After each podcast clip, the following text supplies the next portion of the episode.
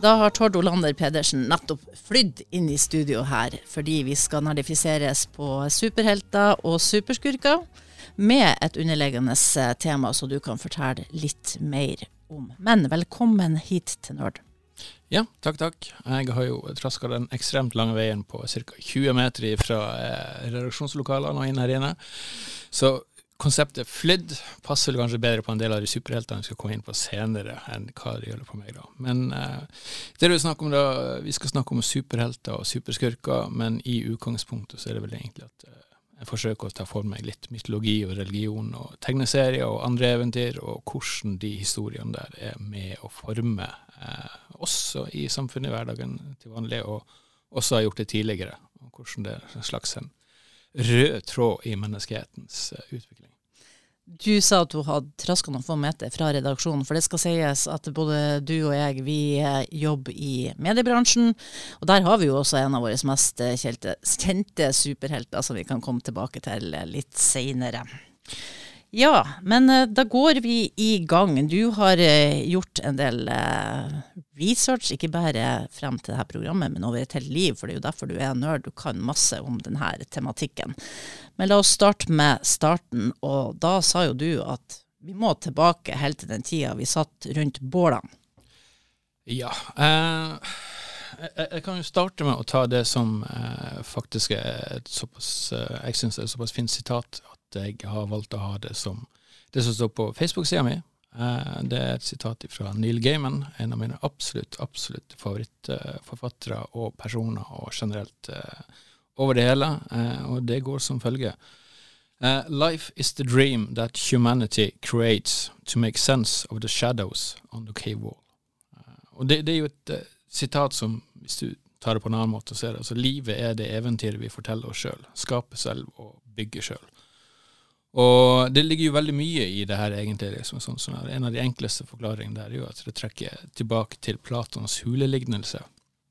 Uh, og for de av dere som kanskje ikke vet hva det er for noe, så det er det et av de mest kjente konseptene innenfor filosofi, og en av de mest kjente tingene vi husker fra Platon, altså eleven til Sokrates, den gamle greske filosofen. Uh, og det er en historie han bruker for å illustrere et poeng. Eh, der han eh, ser for seg en eh, gjeng med mennesker som sitter lenka inne i hula. og bak seg, så, og de ser rett inn i en sånn hulevegg, og bak seg så brenner det et bål. og den bålet, det, det fører til at de ser skygger av det livet som foregår utenfor hula, og de oppfatter det her er alt de ser. Så de oppfatter det her er livet, sånn er det. Og så en dag så er det en kar da som kommer seg fri fra de lenkene, og så går han ut og så ser han verden sånn som den egentlig er. Og Så blir han helt sjokkert, og wow, hva er det her for noe? Så går han tilbake igjen for å fortelle de andre som sitter der inne. Se hva jeg har sett, sånn er det egentlig. Og så tror de ikke på han, så de slår han i hjel. Ok. Ja. Men vi ble ikke værende inne i hula? Nei. Og, vi er ute i elendigheter, de fleste ja, av oss. Ja, vi er ute i veldig mye elendighet til, til hele tida. Og det er jo kanskje noe av grunnen til at vi også har fortalt uh, historier hele tiden. Fordi noe av det å være menneske, og noe av det som skal til kanskje for å overleve her i verden, det er at man forteller historier til hverandre om hvordan det kan være, eller hva som har skjedd tidligere. Og sånn er det jo med den hullelignelsen. Det er jo at ja, ild skaper skygge og liv på veggen. Og uh, det er jo da, ild er jo også et symbol på skapelse, altså the fire of creation. Uh, og sånn sett så er det kanskje en fin, fin måte å ta det derifra. Og det er jo litt det som er greia. Altså det, menneskeheten har alltid fortalt historier, og historier som lages for å forsøke å forstå verden, og forsøke å forstå hvordan ting skjer som det er rundt seg. Og det, det har vi gjort til helt fra vi drev og lagde huletegninger. Eh, og hadde det på uh, vegger som uh, ja, Huleboer er vel ikke et uh, politisk korrekt ord lenger. Kan vi kalle det steinaldermennesker fra den sida der. og til i dag, når vi sitter og ser på tegneserier. Det, det, er en rød tråd hele den veien der. Det er mye moral i det her universet. Ja.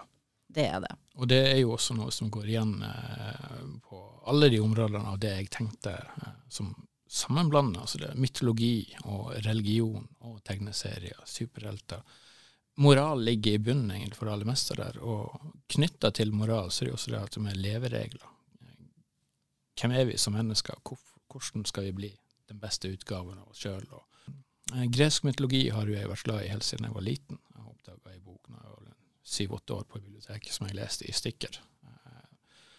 Og eh, i gresk mytologi så har vi et konsept, eh, et fantasivesen som heter eh, kyklop.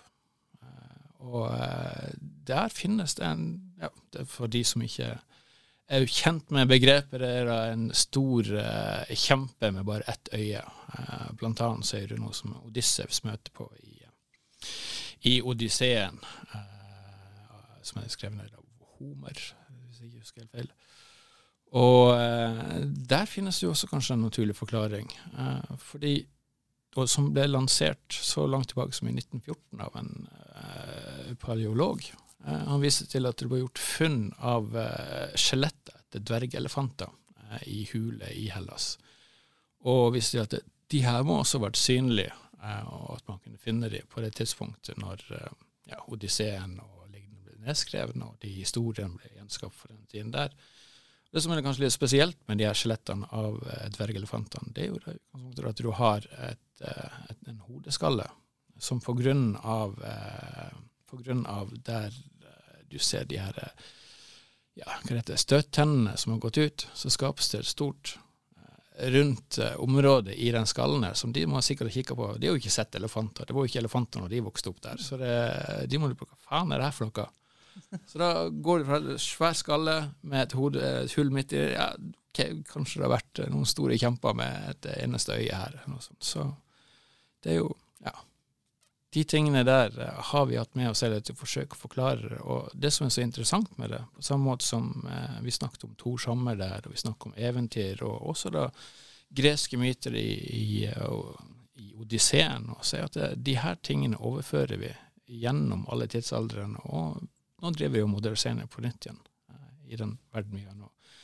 Greske myter finner vi igjen i eh, en haug med superheltfilmer rundt omkring her nå. Vi har eh, Wonder Woman, eksempel. Vi har eh, Sus, som dukker opp i eh, Hercules, har jo over lengre tid hatt sine egne serier, osv. Og, og ikke minst norrøn mytologi, som virkelig har fått eh, et eh, kommet i støtet igjen, hvis vi skal se på hvordan Marvel har traktert han her eh, ja, Uldrik, er helten fra Jeg vet ikke, ble det helt så vi skulle ønske når det gjelder norrøn mytologi og superhelter? Det ble helt sånn som vi ønska. Altså de, de har jo i utgangspunktet basert seg på det som var da tegneseriene som eh, ble nedskrevet eh, fra 50-60-tallet oppover, innenfor det med Thor, helst fra 60-tallet oppover.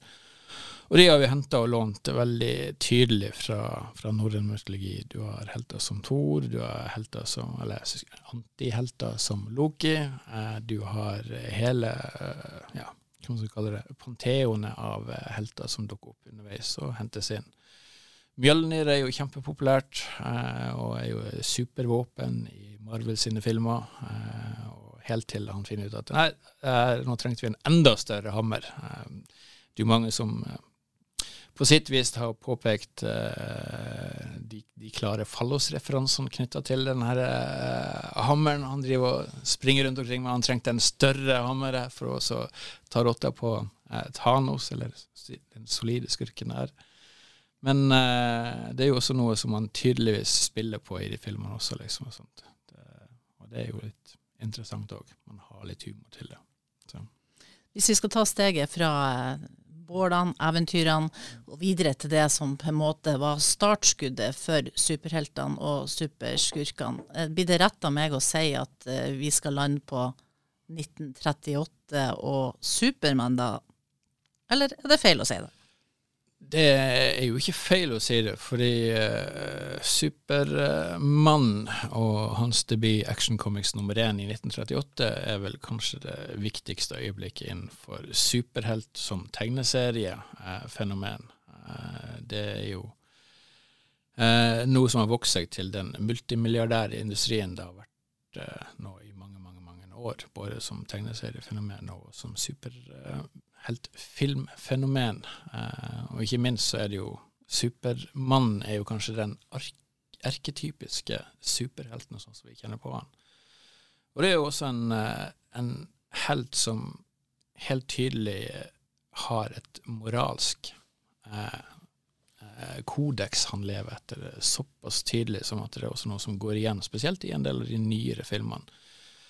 Eh, superhelt er evig god. Eh, han dreper ikke skurkene, han avvæpner de. Eh, hvis det er noe han i utgangspunktet har som en utfordring, så er det som regel hans egne sjelelige kvaler eh, overfor noe. Han, kanskje, han, eh, kanskje superskurkene bruker eh, hans moralske dilemmaer til å sette opp en situasjon som gjør at han ikke kan utføre det han gjør. Ja, vil du nå har du, du, har du, valget, nå må du redde enten de eller de.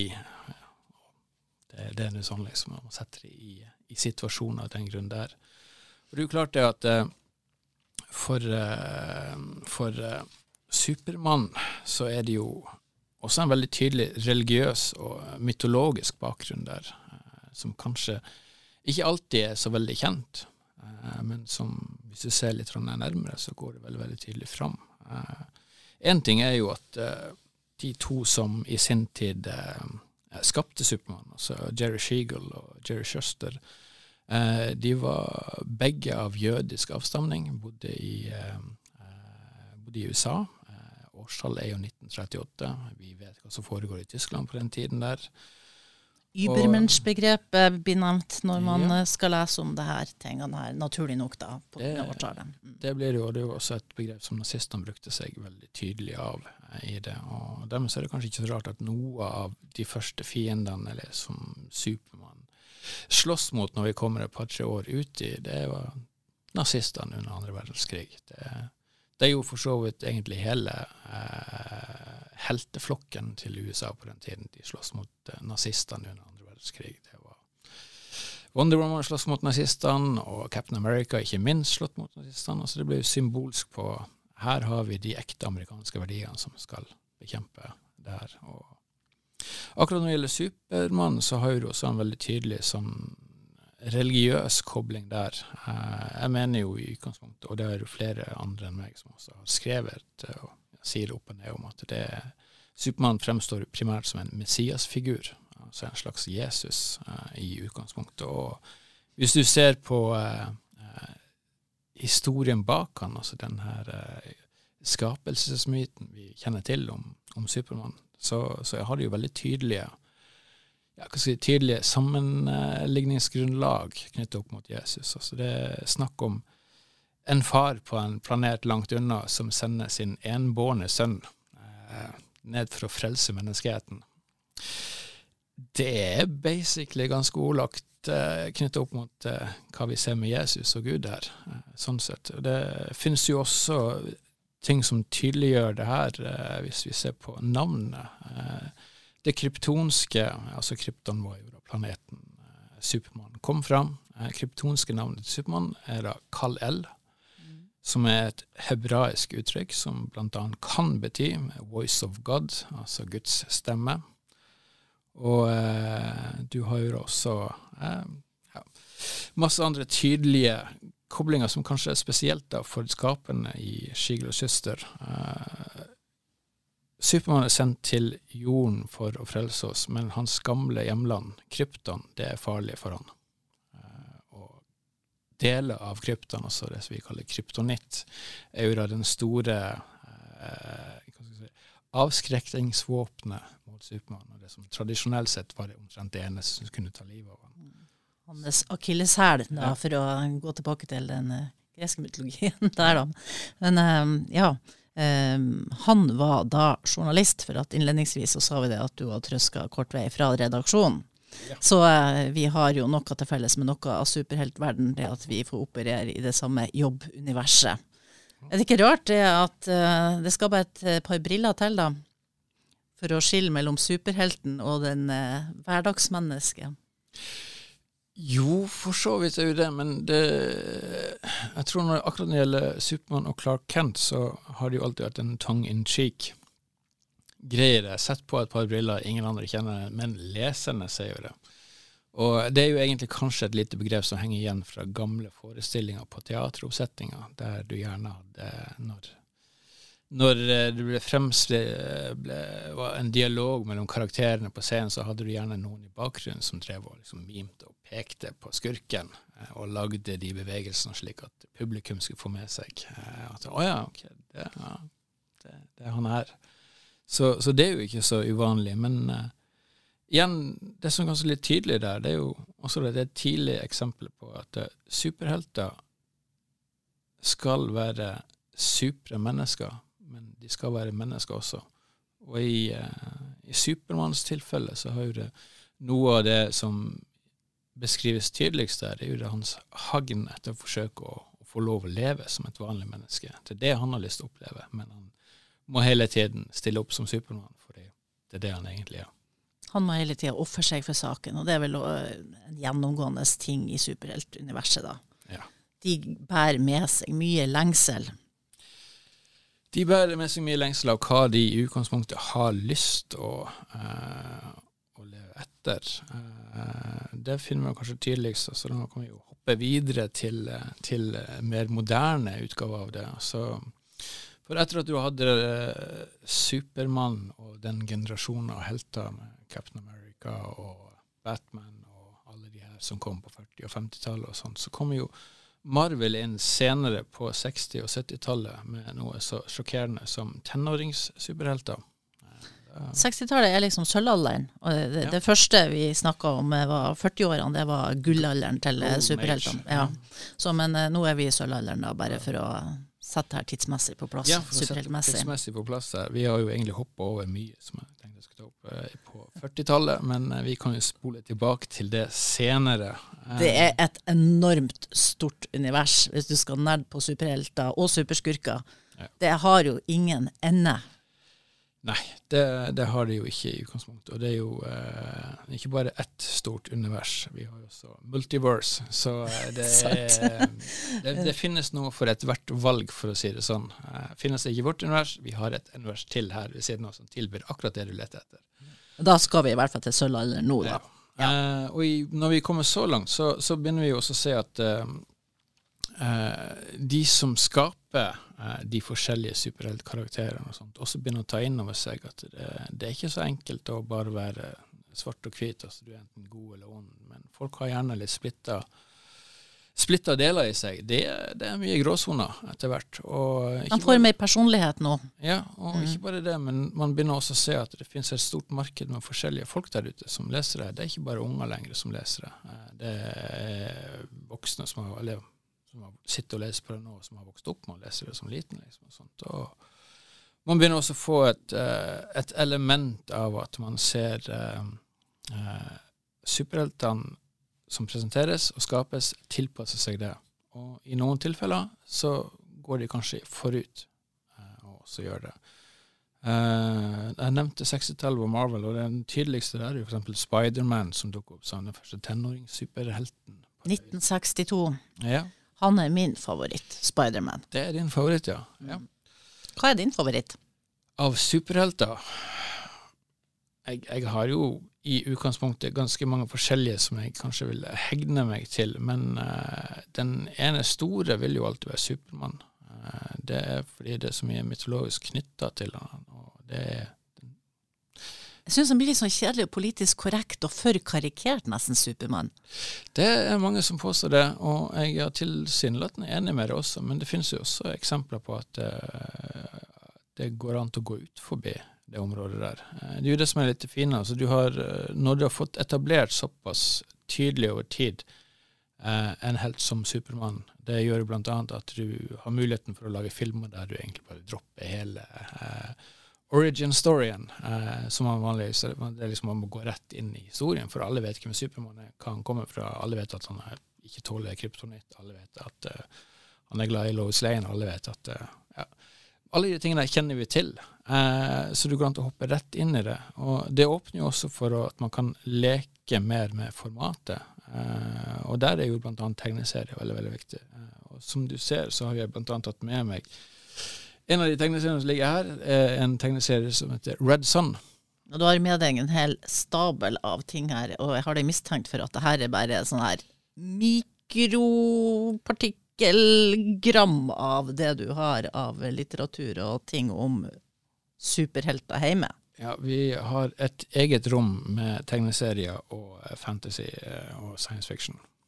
Og det er jo det som er litt fine for oss. I, eh, I, tegneserieformatet så har man muligheten til å kanskje gjøre ganske mye mer eh, av endringer enn det man kan gjøre på f.eks. en film om Supermann, eh, som har fått et budsjett på en del milliarder for å lages. Men eh, når det gjelder eksempelvis en tegneseriebok som jeg refererer til her, Red Sun, så er jo det da en tegneserie som spekulerer eh, i origin-storyen til eh, Supermann.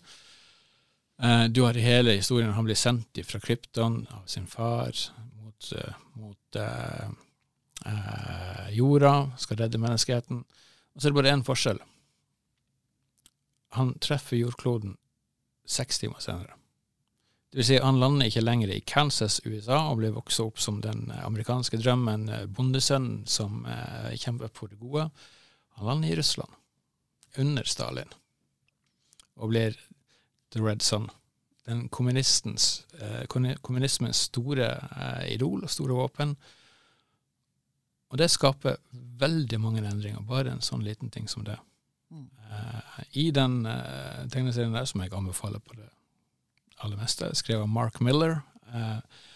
Så har du blant annet den situasjonen at det er Lex Luther, som fungerer som hans eh, antitese og hovedfiende i de amerikanske utgavene, eh, blir da den amerikanske stats store forkjemper i kampen mot kommunismen.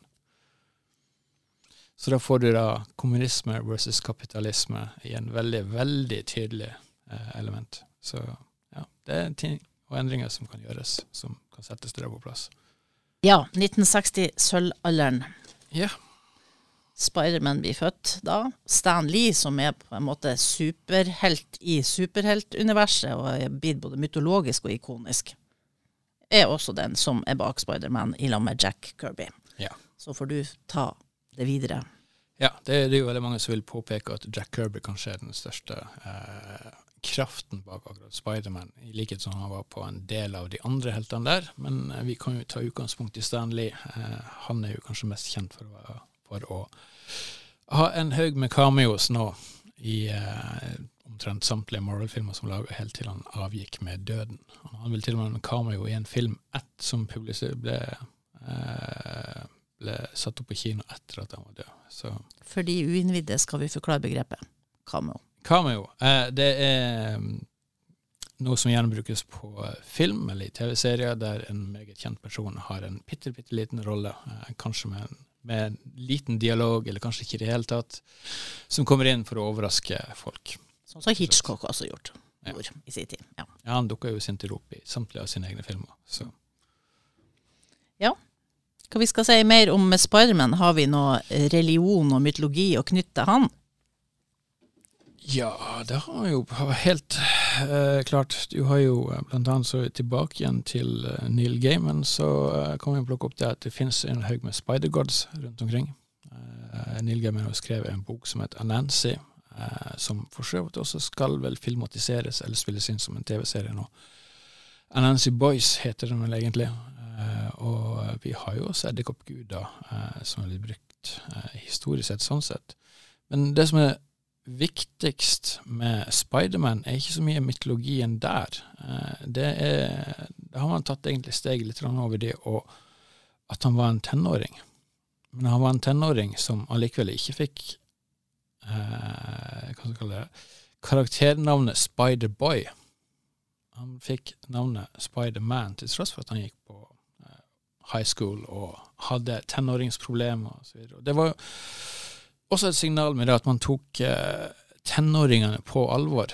Eh, for eh, i likhet med Supermann, som har Clark Kent som sitt alter ego og har sine utfordringer som, som vanlig menneske, bortsett fra når han er Supermann og da er tilsynelatende uovervinnelig og kan løse det meste, så hadde jo Spiderman sine problemer, og det viste seg å være de samme problemene som alle andre tenåringer har kjærlighet, eh, livet på skole, mobbing, eh, følelsen av å være utestengt, følelsen kanskje ikke passe inn der, og være utafor. og det var jo noe som virkelig eh, resonnerte med, med, leserne på den tiden der, og som også har vært med å bidra til at jeg, den karakteren har blitt en av de mest kjente eh, innenfor det store tegneserieuniverset, hvis man sier det på den måten. Og det har igjen også skapt grobunn for en myriad med andre eh, tegneseriehelter som har dukket opp senere.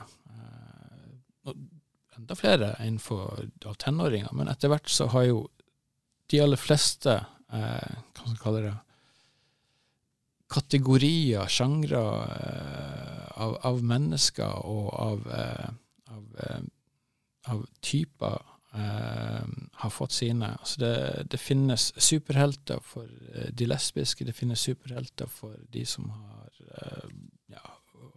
som er homofile. Det finnes superhelter for svarte, kommer jo etter hvert. Det finnes superhelter i de aller fleste etnisiteter etter hvert. Det finnes superhelter som er blind, det finnes superhelter som har utfordringer med det og utfordringer med det. og det er jo litt en tilpasning man gjør. Det kan høres kanskje politisk korrekt, eh, som er et veldig populært begrep å bruke i dag, men de var, det her skjedde lang tid i forkant av å, å begynne å snakke om politisk korrekt. Så er det vel noe med det å skal nå ut til et marked òg, at uh, vi er så ulike mennesker og vi har ulike legninger og etnisitet og sånn. Og skal du i det hele tatt holde liv i superheltene og superskurkene, så er du jo nødt til å tilpasse deg markedet. For uh, som du sa, det er en av de største industriene. Det er mye kapital her. Og skal du nå ut og tjene de pengene, så må du nå til de ulike folkene som finnes der ute. Det er jo helt klart et vesentlig poeng, men samtidig så tror jeg nok også får veldig mye innenfor forbi ikke bare da tegneserieindustrien, eh, men eh, også en del av eh, ja, fantasy, science fiction og det miljøet som enten har vært på TV eller ellers, så har de vært mye flinkere og veldig progressive. Og så pushe og sette eh, den tematikken og den tematikken og den tematikken på agendaen. Det, Eksempelvis så er det jo Jeg vet ikke om det er så veldig mange som vet det, men for de av eh, dere som liker Star Trek, så kan det jo nevnes at det første eh, sånn interracial eh, kysset som ble sendt på amerikansk TV, det fant jo, fant jo sted i Star Trek. Det, i, det var vel i uh, Star Trek-originalserien. Uh, uh, så finnes det da kysser lieutenant Uhura og han godeste eh, William Shatner, også kjent som Captain Kirk, eh, hverandre på TV. Det var ikke ting man viste på den tida der.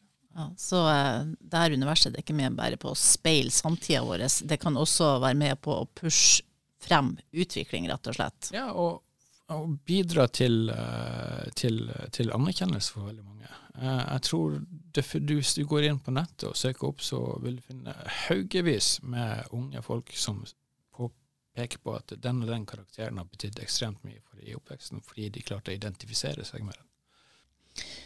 Ja, det å ha eh, en ungdom kan være viktig. Men jentene trenger også sine egne, og det fikk de i Wonder Woman.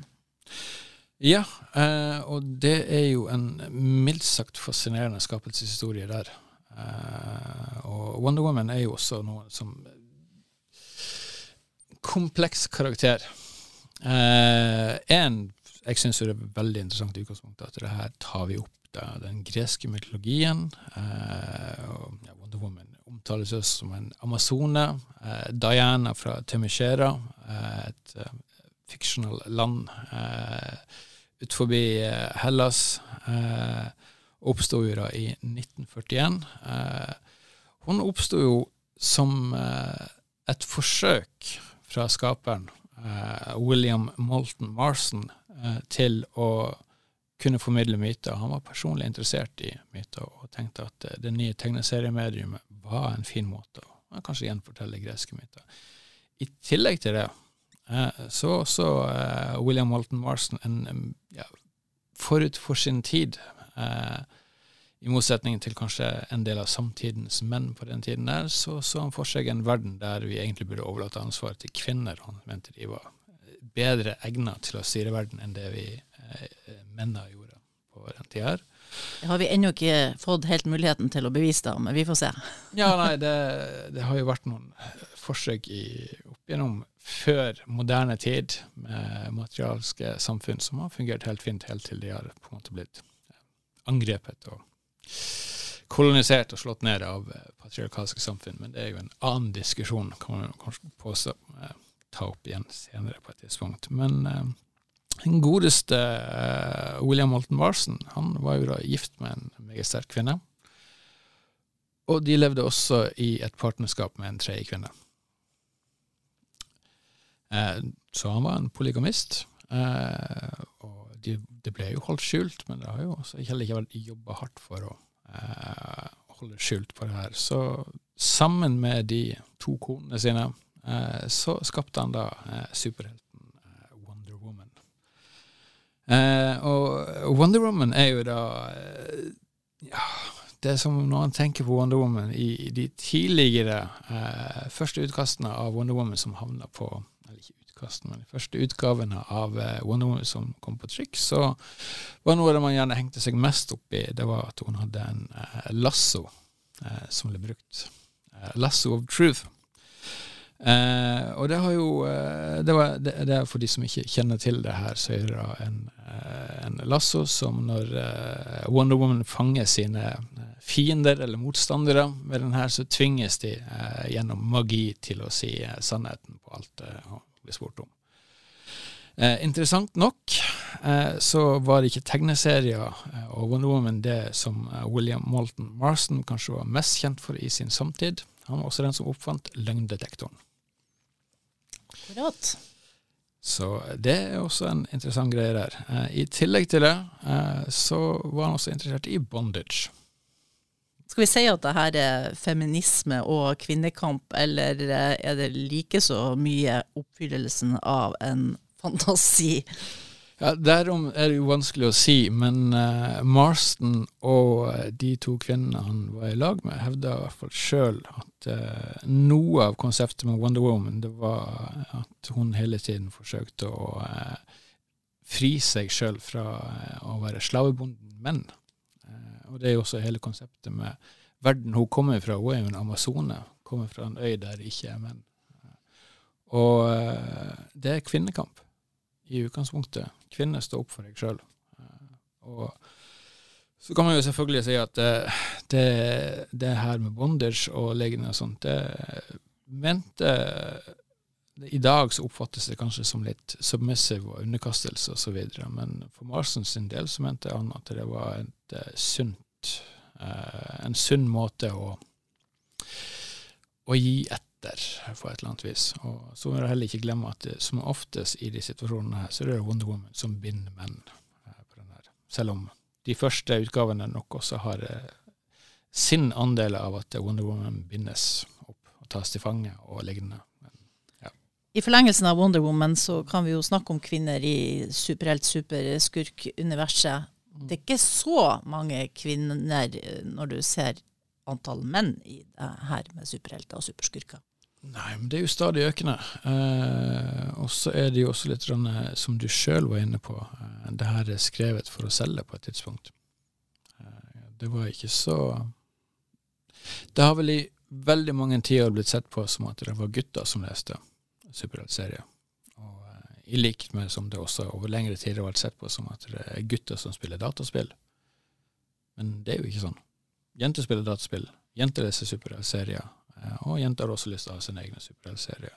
Og det dukker opp. Så mange av de karakterene som kanskje tidligere har vært på en måte en slags sidekick, eller har endt opp med, som of tilfeldigvis ofte har hatt behov for at det kommer en mannlig superhelt og redder henne ut av knipen, eh, så, så har det endra seg kraftig, også de siste tidene, de siste eh, årene. Og det er jo noe som igjen da er med å reflektere hvordan ting endrer seg og settes i ja, og modernisere det. Så de samme historiene som egentlig har blitt fortalt da, for fra Supermann, Superman sin del siden 1938 fram til i dag, også endres. Så. Samtidig så må vi kan si at uh, de er ganske seksualisert.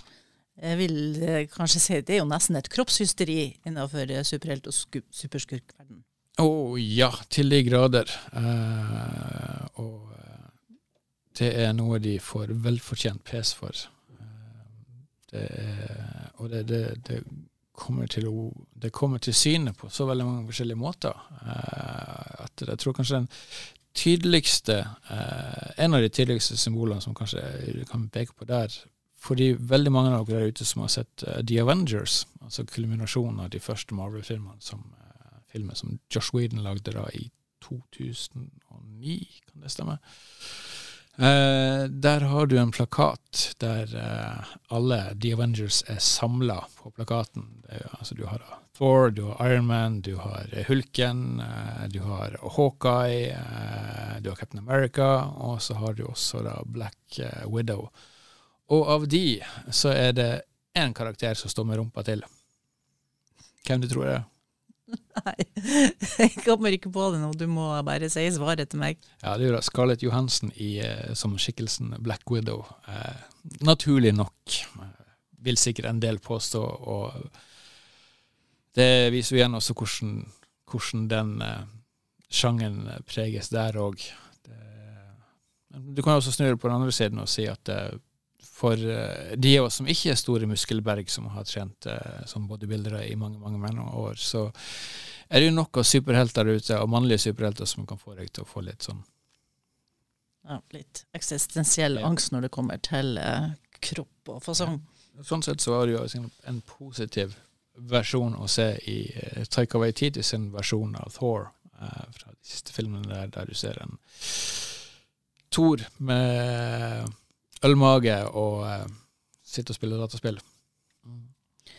Det er kanskje klart for de fleste av oss hva en superhelt og en superskurk er, men kan vi si enkelt hva som kjennetegner superhelten og superskurken?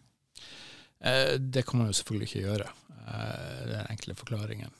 Eh, det man kan si derimot, at i, eh, i sjangerens startspunkt så var det veldig tydelig å skille mellom hvem som var superhelt og hvem som var superskurk. Det var basically Superhelten forsøkte å gjøre det gode, og forsøkte å stoppe skurkene fra å gjøre det onde.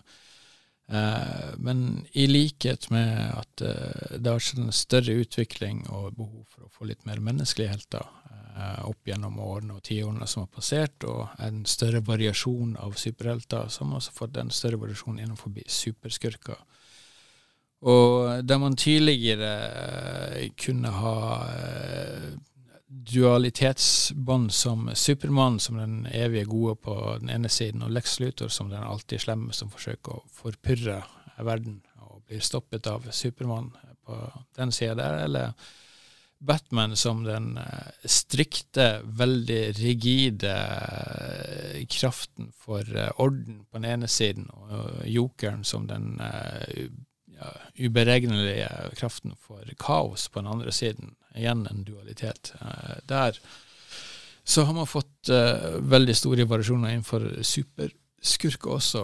Og uh, det har jo blant annet uh, endt opp med at man ender opp med antihelt. Altså, du, du, har en del som har vært superskurker, som ender opp med å bli motvillige helter på sett og vis. Uh, og de gode eksempler der er jo f.eks. Eh, Punisher, som er en superhelt. Uh, selv om han ikke har superkrefter, så har han et enormt arsenal av våpen og vet å benytte seg av for å drepe dem. Det er en superhelt som i utgangspunktet går rundt omkring og meier ned og dreper folk på såpass ofte brutale måter at til og med andre super, superhelter kommer bort og sier Er du sikker på at det her var ok, liksom? Uh, men uh, han slåss jo for det gode på sitt vis. Han hevner sine drepte barn og sin drepte kone, og et, uh, ja, slåss mot skurk og ondskap på den ene siden. Og det finnes jo masse andre eksempler på det. Et av de kanskje tydeligste innenfor um, uh, X-Men, som kanskje veldig mange vil kjenne til, er jo Magnito. Uh, veldig mange av eh, filmer og eh, tegneserier laget med han som den store skurken man slåss mot. Omtrent like mange der han eh, ender opp med å bli med på laget til superheltene for at det skal løse seg. Veldig mange av eh, historiene både i filmer og tegneserier starter med han som skurk, og så finner han ut at okay, nei, det her var til og med det her var litt for ille. Vi, vi må gjøre det på den måten her. Og de tingene der er ganske viktige å meg, for da har du også et, et grå perspektiv som er kanskje viktig å få frem. Det er ikke lenger svart og hvit på den måten. Det har kanskje vært tidligere innenfor det, men i likhet med Det finnes veldig få helt gode mennesker, og det finnes veldig få helt onde mennesker. De aller fleste av oss befinner oss i et eller annet sted som er grått innimellom der. Og da er det naturlig nok også at superhelter og superskurker også gjør det på samme måte. Så behøver du ikke å ha superheltegenskaper for å kan være superhelt. Liksom to typer superhelter. Da. De som har en ekstra egenskap, eller de som bruker teknologi f.eks. For, for å klare seg. Ja, det, det, er jo sånn man, Konseptet superhelt er egentlig mer at man hever seg over de andre. Eh, da må vi kanskje tilbake til det som du snakker om sjøl, med übermensch. Eh, og supermenneske, eh, det store der. Men uh, det finnes jo noen eksempler av det. Du har kanskje en av de mest kjente for tida, vil jo være Ironman. Uh, som i utgangspunktet er en helt vanlig mann som bare har nok penger og er smart nok teknologisk til å kunne utvikle seg en rustning som gjør at han kan slåss til og med med sterke superhelter som The Incredible Hulk uh, og lignende. Så du vil jo også finne andre folk. Batman, akkurat samme konseptet. Uh, igjen, der har du DC Marvel. Det finnes gjerne karakterer som innehar mye av de samme egenskapene på begge sider av de to franchisene der. For Batman sin del, han òg er jo ganske rik. Bruker teknologiske duppeditter til å bekjempe ondskap. Men når det gjelder Batman, så har du sagt at du sitter og eh, venter på at det skal bli tøvete igjen. Ja, det stemmer. det. Hva mener du med det? Nei, uh, Batman har uh, har skifta ham en del ganger opp gjennom tiårene, og det virker som det er en slags syklus der eh, i utgangspunktet. Hvis vi går tilbake til det glade 60-tallet, så var jo Batman fremdeles litt sånn tulletegneserie. Uh, ut av og til dukker opp en uh, Tyrannosaurus rex, slåss mot uh, merkelige skurker. The Riddler og raringer, Pingvin osv. Uh, og det var mer sånne foiled again-ting. man hadde en TV-serie som i senere tid har blitt legendarisk. der var det Adam West som Batman og Burt Ward som Robin, hans Boy Wonder. det var humor, det var tøysete, og de spilte veldig tydelig på det. Eh, for enhver som har lyst til å sjekke ut hvor tøysete det er, så eh, kan man søke opp på internett eh, Batman Bomb Adam West. Da vil man kunne finne en sekvens som varer i hvert fall tre minutter, som ble sendt på TV, der uh, Batman i Aranes sin figur uh, har en rykende bombe i hånda og forsøker å springe av gårde for å kaste den ut, sånn at den ikke skader noen folk. Og hver eneste gang han kommer til et eller annet sted, så er det et eller annet sted. Han springer bort til en sjø, og så er det sånn Å ja, vent, det er bare en flokk med svaner. OK, vi kan ikke kaste den der andre veien, og så videre, og så videre. Det er veldig morsomt, det er veldig tøysete.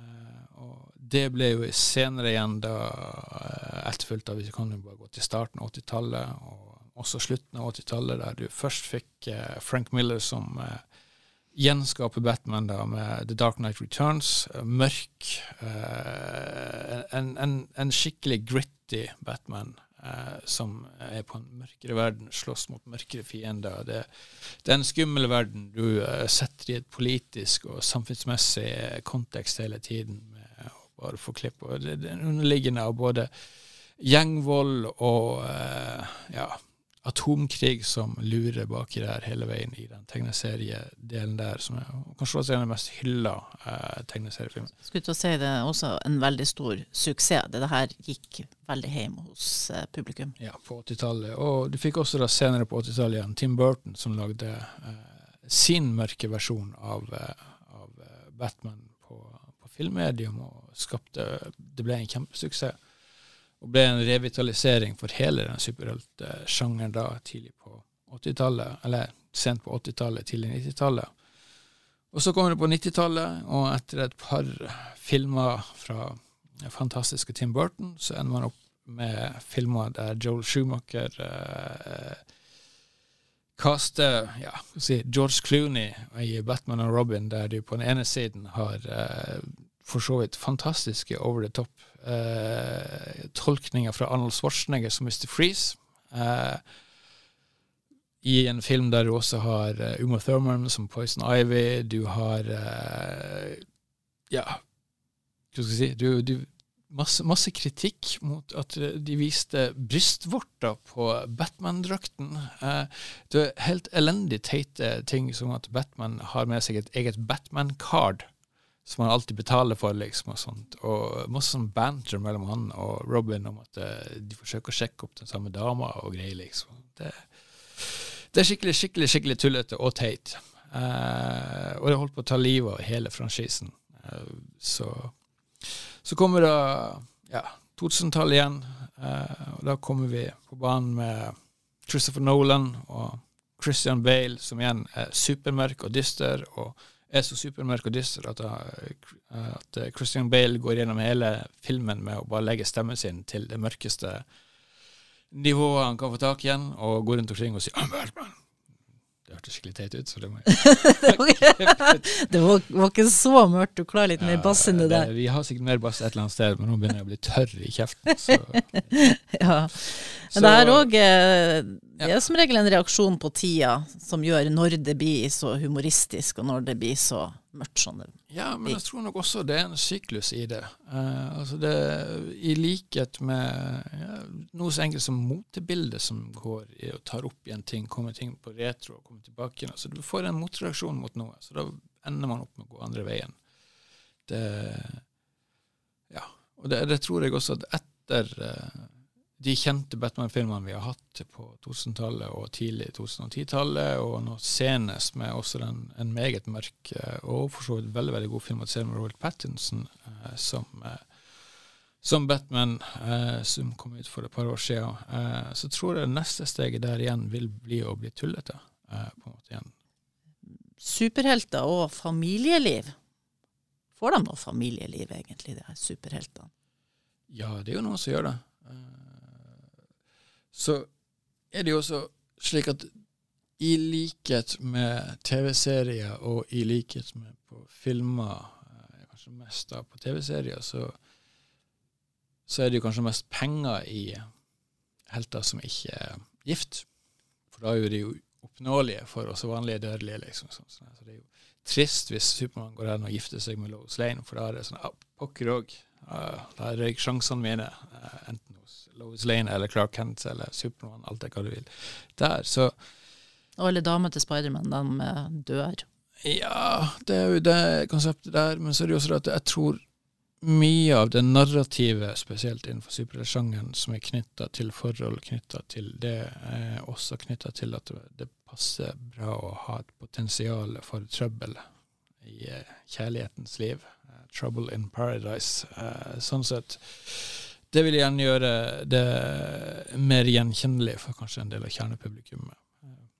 For Det eneste jeg kommer på nå, sånn umiddelbart, hvis det går under superheltsjangeren, det får du arrestere meg på, det er så tidlig som Fantomet. Han hadde jo unger med Sale ja, etter hvert. Ellers så kommer ikke jeg på noen superhelter som har jo, det, det, det, er jo veldig mange der. Eh, for Fantomet sin del så tror jeg også det har litt sammenheng med eh, at det var en stripcomic. Eh, altså det gikk i sånn her avisstripe som da skulle henvende seg til det publikummet som leser de, som da gjerne ville ha litt sånn wholesome family life og lese om det. Og da man jo unger. Det andre er jo at Fantomet, dagens Fantomet, som i hvert fall var dagens Fantomet da jeg drev og leste Fantomet, var vel nummer 21 i rekken. Eh, og en vesentlig del av konseptet med Fantomet er jo at det eldste sønnen tar over. Så eh, å videreføre arven, og det er det man har gjort helt siden det første Fantomet ble skylt i land på en øde strand eh, og skulle sverge et over Singpiratene som hadde tatt livet av sin far. Ja. Men ellers så har de et ganske trøblete kjærlighetsliv, ja, det, mange av de er superheltene. Du har jo uh, også superhelter som har et familieliv, men de, vil, de, forsøker kanskje gjerne å holde det skjult. Det er, jo, uh, det er jo en grunn til at superhelter bruker maske som går igjen og går igjen og går igjen. og går igjen. Det er at man gjerne vil beskytte de som du har rundt deg. Så uh, det er veldig mange som kanskje har en familie offscreen, og så er det noen som har en familie onscreen på samme måte. Du, det er jo et vesentlig poeng, f.eks. i eh, i uh, avslutninga av Infinity War-sagaen til Marvel, Hawkeye mister jo familien sin der. De er jo alle blant de 50% av mennesker og liv overalt uh, på, i universet som forsvinner i det Thanos uh, knipser og tar livet av dem.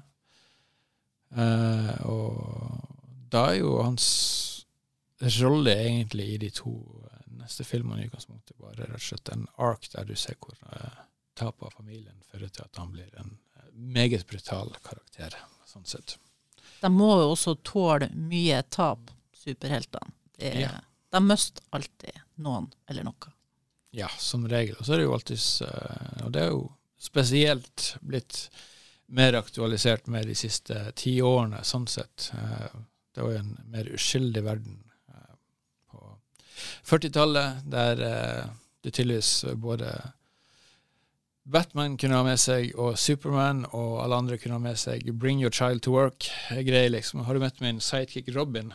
Eh, å ja, da har du med deg en ti år gammel gutt her, liksom. Sånt. Ja, du syns ikke det er litt farlig? Nei da, det går helt fint. Så, og den greia der Nei, uh, det har jo endret seg opp gjennom året, men det er jo også noe uh, For når det gjelder Batman, så har det vært skrevet inn en del i tegneserien opp gjennom tiden at han har mista et par av sine Boy Wonders Og hvordan da karakteren Batman da igjen dealer med den sorgen der. Så. Tror du eh, superheltene overlever? Er, er, de i ferd med å utspille sin rolle, kanskje? Vi har vært igjennom alle superhelter, alle multiverser, alle mulige konstellasjoner og grupperinger av superhelter. Hvor mye kan man holde på i det her universet? Og jeg tror nok ikke det er snakk om at noen ting dør ut. Man må tenke på at Superhelter, som jeg starta med å snakke om her jeg mener at det er videre, for videre fortsettelsen av noe som har hatt med oss helt fra de første superheltene vi kjenner til.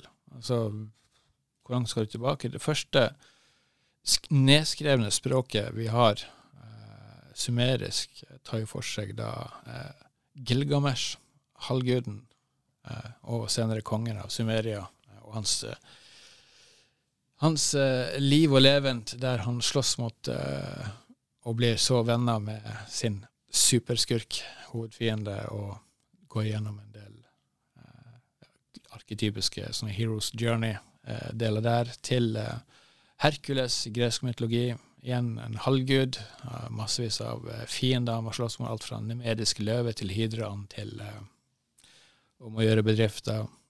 Thor. alle kulturer har hatt sine versjoner av det opp gjennom hele tiden. Det er tydeligvis noe som er stempla inn i konseptet å være menneske. Så det at eventuelt Marvel har skvisa den sitronen ganske hardt nå over noen tiår, det kommer ikke til å stoppe konseptet superhelter, eller konseptet det å ha en idealisert helt å se opp til. Det, det ligger i, i, oss som mennesker. Det samme gjør alle de historiene som vi kommer tilbake til til enhver tid. Det, det ligger i oss som mennesker de, de, de, får nytt liv, de lever videre på et eller annet vis. Det er en kjerne av sannhet der inne, og det er en kjerne av menneskelige idealer. Det er noe vi kan lære av, det er noe vi kan se opp til, og noe vi kan identifisere oss med. Men det er noen menneskelig der. Og det er det vi vender tilbake til hele tiden. Og For å ta det religiøse, da, så sier man jo at alle historier er allerede fortært i Bibelen, og så er det bare gjentagelser av det som står der. Ja, det kan jo finnes. Det er jo også veldig på sin plass å påpeke at uh, i utgangspunktet så er jo det veldig mye som tyder på at Bibelen er igjen da ganske sterkt påvirka av alle de historiene som blir fortalt før noen setter seg ned for å skrive det her. Så, og det er jo igjen De historiene oppdateres og fortelles på nytt. Vi, vi har massevis av eksempler på det her. Uh, vi var inne på Marvel, og der har jo du karakteren The Incredible Hulk. Uh, og for uh, de av dere som husker det, så har jo Hulken Han har jo én karakter som er et menneske, Bruce Banner, som er en briljant forsker, og så har han et annet del av seg som er den villstyringen hulk, som er et, et et bys som kan rasere og ikke kontrollere det dyriske i seg. Neandertalsk style. Ja. ja. Og noe som er veldig, veldig henger sammen med f.eks. Robert Louis Stevenson sin, karakteristisk, eller sin kjente historie fra 1800-tallet, Dr. Jackal og Mr. Hyde, der jo på den ene siden har den ærverdige Dr. Jackal, men pga. at han har inntatt en ja, det er vel en drikk, et serum eller noe, eh, så forvandles han til den brutale eh, Mr. Hyde som går rundt omkring og banker og dreper folk. Det er basically The Incredible Hulk. Er det her eh, noe av det som eh, forklarer din fascinasjon og din eh, nerdifikasjon eh, på eh, tematikken, det at det handler om de store menneskelige tingene, egentlig? Det handler om de store menneskelige tingene. Det handler om uh, ting vi har som gjør at vi kan identifisere oss som mennesker. Altså det, ser du på vi som lever i dag, og hvis du ser på de som levde for 1000 år siden, 2000 år siden eh, Du vil gjerne tro at vi hadde ikke vært i stand til å kunne gjennomføre en samtale med dem, for det er så stor forskjell på hvordan vi kommer fra kulturelt og så ellers. liksom og sånt. Men jeg mener jo i utgangspunktet at det, vi har hatt noe med oss hele veien. Det er de historiene som blir fortalt opp gjennom, opp gjennom tiden. Og alle de historiene som blir gjenfortalt, mytologiene, religionene, eh, eventyrene, alle de der tyder på at vi har hatt noe som gjør oss felles med oss hele veien. Noe menneskelig. Og i Sandman, for eksempel, så ene du finner den rødhet og ulven-historien jeg refererte til, finner du der. Eh, på den andre siden du finner greske guder, du finner eh, norrøn mytologi. Thor og Odin og Loki har en kjempestor rolle i, i men også, eh, på sitt vis. Men de er kanskje nærmere de, de opprinnelige norrøne mytene der. Det, Thor er ikke en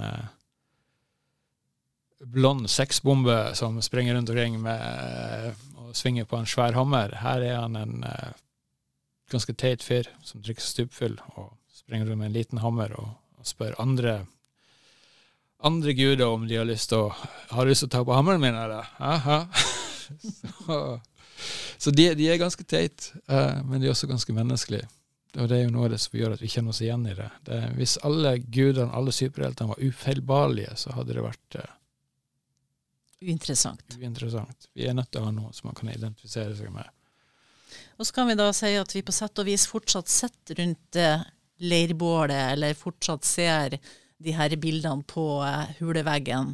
Ja. Bare på en litt annen måte enn før. Ja, både i form av tegneserier, og vi ser ikke minst før i tida samla rundt en TV-skjerm og ser på det. Eller kinosalen, som er absolutt å anbefale. Sånn avslutningsvis, mm. syns du vi trenger superheltene? Vi trenger mediumet som tillater at det er historiene som har blitt fortalt som superhelter, det tror jeg vi trenger. Det er historier som kanskje ikke er like lett å forklare med vanlige menneskelige karakterer. Kanskje det er lettere å sette ord på en del ting der. Så ja, det trenger vi. Da takker vi for nerdifisering i lag med deg, Tord Olander Pedersen. Du skal få lov til å ta kappa di og fly ut av studio i den store evigheten. Ja, Du mener går de 20 meterne tilbake til redaksjonslokalet? Eller vi kan si det sånn at du går ut døra og 20 meter til arbeidsplassen din. Uansett, takk for besøket. Takk for at jeg fikk komme.